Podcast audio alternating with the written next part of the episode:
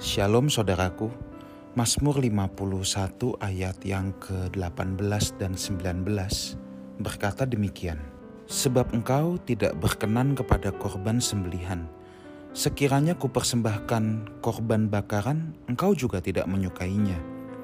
Korban sembelihan kepada Allah ialah jiwa yang hancur, hati yang patah dan remuk tidak akan kau pandang hina ya Allah. Saudaraku, dalam Perjanjian Lama, sering kali bukti Allah menerima sebuah korban persembahan adalah apabila korban tersebut dibakar habis sampai menjadi abu.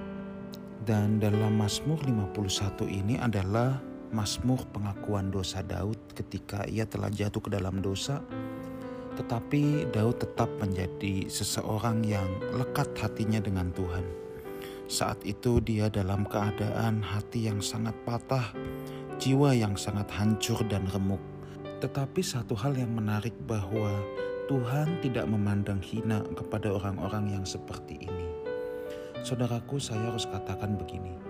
Hadirat Allah paling kuat saat ada brokenness atau saat ada kehancuran dalam hati seseorang banyak orang mencari Tuhan tetapi tidak menemukannya. Kenapa?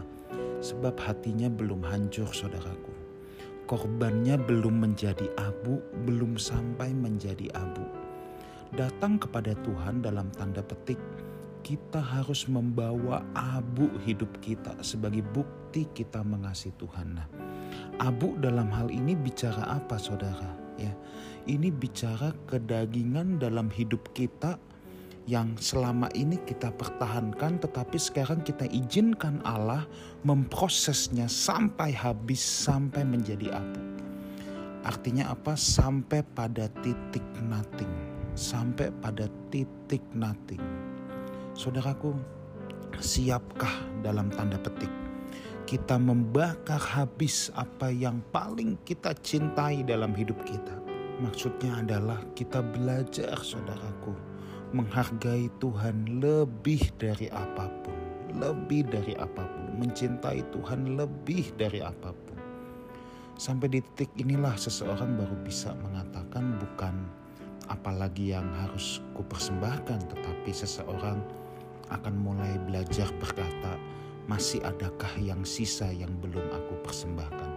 Sebab memang sejatinya segenap hidup kita ini harus dibakar habis menjadi abu atau segenap hidup kita ini harus menjadi korban persembahan bagi Tuhan. Di situlah baru ada kehancuran hati, keremukan jiwa. Sehingga ketika kita menyelenggarakan rumah tangga, mengerjakan pekerjaan, kita pun melakukannya dengan hati yang hancur di hadapan Tuhan. Di mana kita sungguh-sungguh menyadari kita mau mempersembahkan keluarga kita, pekerjaan kita, hobi kita, apa pun yang kita lakukan, kita mau persembahkan kepada Tuhan. Nah, saudaraku, untuk kegiatan hidup aja kita mau persembahkan kepada Tuhan. Bagaimana dengan hal-hal yang tidak menyenangkan hati Tuhan yang sering kita lakukan? Apakah kita siap membabatnya sampai habis kedagingan-kedagingan hidup kita, kebiasaan-kebiasaan buruk kita? Apakah kita serius mau menyembelih itu di hadapan Tuhan? Saudaraku, hanya orang-orang yang bersedia, yang mempersembahkan seluruh pergelaran hidupnya kepada Tuhan dan menghabiskan semua kedagingan atau hal-hal yang tidak berkenan di hadapan Tuhan, baru hidupnya bisa menjadi abu di hadapan Tuhan. Dan di sana akan ada brokenness, kehancuran. Orang seperti ini pasti akan berjumpa dengan Tuhan bangsa Israel pada zaman dulu kalau sedang berkabung mereka akan menaruh abu di atas kepala mereka. Kenapa?